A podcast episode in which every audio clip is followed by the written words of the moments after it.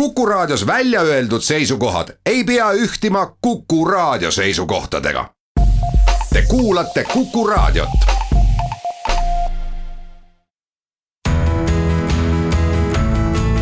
kuku Raadio nädala kommentaar. tere, mina olen Kivisildnik ja räägin teile ühest hirmsast inimesest, rahu tema põrmule kõik, mis emeriitpedofiil Jeffrey Epsteinisse puutub, on äärmiselt kahtlane. esiteks, keegi ei tea, kust õnn tema õuele jalutas. oli kõrgema hariduseta matemaatikaõpetaja, aga tüdines sellest peagi ja hakkas miljardäriks. ilus lugu lihtsurelikust miljardäriks. kust raha tuli, ei tea meie ega Maksuamet. andmed puuduvad. tal on olnud küll üks klient, kelle raha ta oma matemaatika-tarkusega keerutas see oli keegi maailmakuulus trussikukaupmees Veksner. Veksner on Epsteini majandusmudelit kirjeldanud umbes nii, et Epstein pani tuima näoga mu nelikümmend kuus miljonit tuuri. Endast lugupidav inimene sellise peenraha pärast politseisse ei lähe.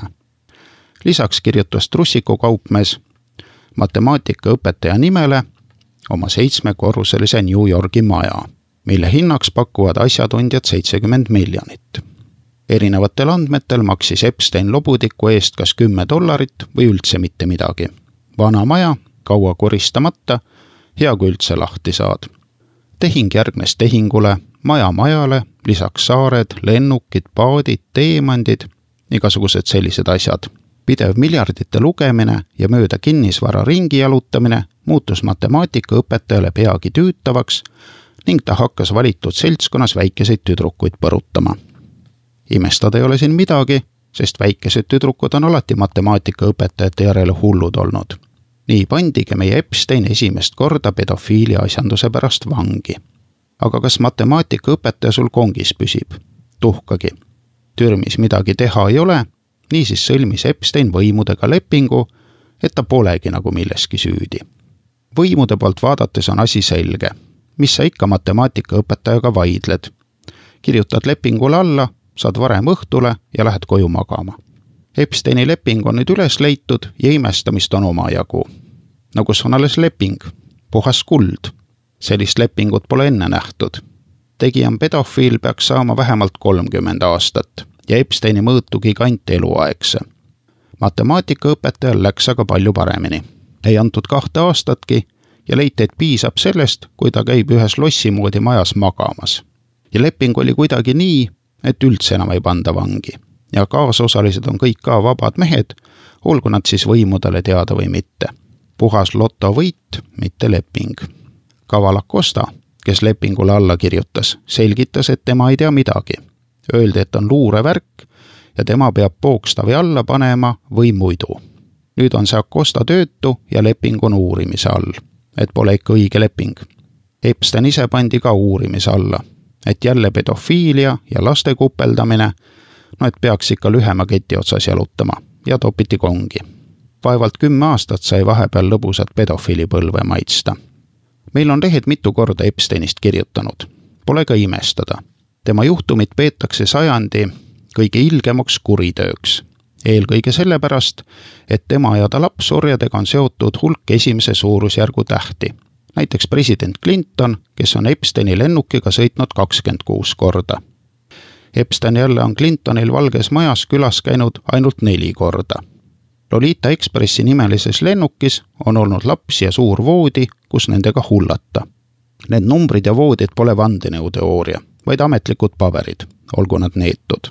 aga jah, lisaks Clintonitele mainitakse Prince of Darkness Andrewd Ühendatud Kuningriigist kinumees Woody Allenit, räppar Eminemi ja lisaks tervet karja pankureid, modelle, demokraatidest poliitikuid, kosmonaute, teadlasi, ajakirjandustolguseid ja meelelahutuskloune.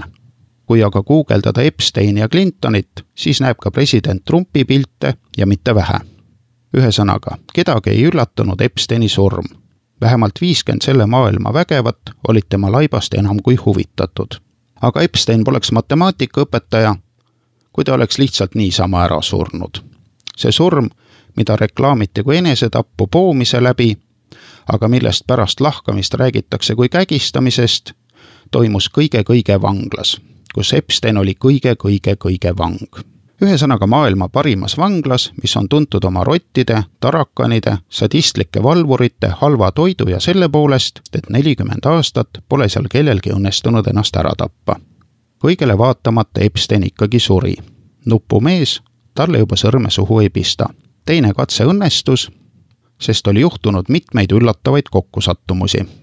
Epsteini kambrikaaslane oli kuskile ära kadunud, enesetapuvalve oli kah maha võetud, kaamera ei töötanud, mõlemal valvuril olid vist lampjalad paistes, sest nad ei saanud iga poole tunni tagant kongi vaadata, pealegi valvurid magasid õndsat und, kui Epstein koleda häälega kisendas. Pärast valvurid võltsisid aruandeid, nii et paberid ei sobinud kaamera pildiga. aga eks sobita ise, kui kaamera üldse ei tööta. no ja üks valvur polnudki päris õige valvur, vaid ei tea kes, mingi suvaline tüüp Epsteini lahkamisel selgus, et katki on need kaelakondid, mis lähevad hoopis kägistamisel pooleks. ühesõnaga, kõik klappis nii hästi, et enam paremini ei saagi. ja kui keegi nüüd hakkab mingit vandenõuteooriat punuma, siis on ta loll nagu lammas, eks ole. nõus. globaalne koorekiht lihtsalt ei saa olla kari perversseid maniakke. no ei ole. ainult madala haridusega Kesk-Eesti vaene võib uskuda, et ülemkiht koosneb satanistlikest pedofiilidest, kes veedavad vaba aega lapsi vägistades ja ohverdades, imikute verd juues ja öökulle kummardades. see on ju täielik sonimine, absurd, alatu vihakõne. tõsi, vähemalt laste vägistamise ja tapmise kohta on ametlikke andmeid. aga kuna lehed sellest ei kirjuta ja telekas ei näita, siis ei saa sellest ka mõelda Epstein kupeldas iseendale lapsi nagu hinkus hukkunud alpinisti hotellis. iseendale. kupeldas iseendale ja suri ära, kõik. ei mingeid kaasosalisi, ei mingeid kliente, surnud pedofiilid ja hästi makstud lapsed ei räägi vastikuid jutte. Vara lahkunud matemaatikaõpetaja investeeris kolmsada viiskümmend tuhat kaasosaliste vaikimisse. ma oletan, et sellest piisab täiesti aga kui see asi ikka edasi haiseb ja aina vastikumalt, siis süüdistage mind kui minusuguseid vihakõnelejaid ei oleks, siis oleks maailm palju ilusam koht pervertidele müüdud laste jaoks. tänan tähelepanu eest. kuku raadio nädala kommentaar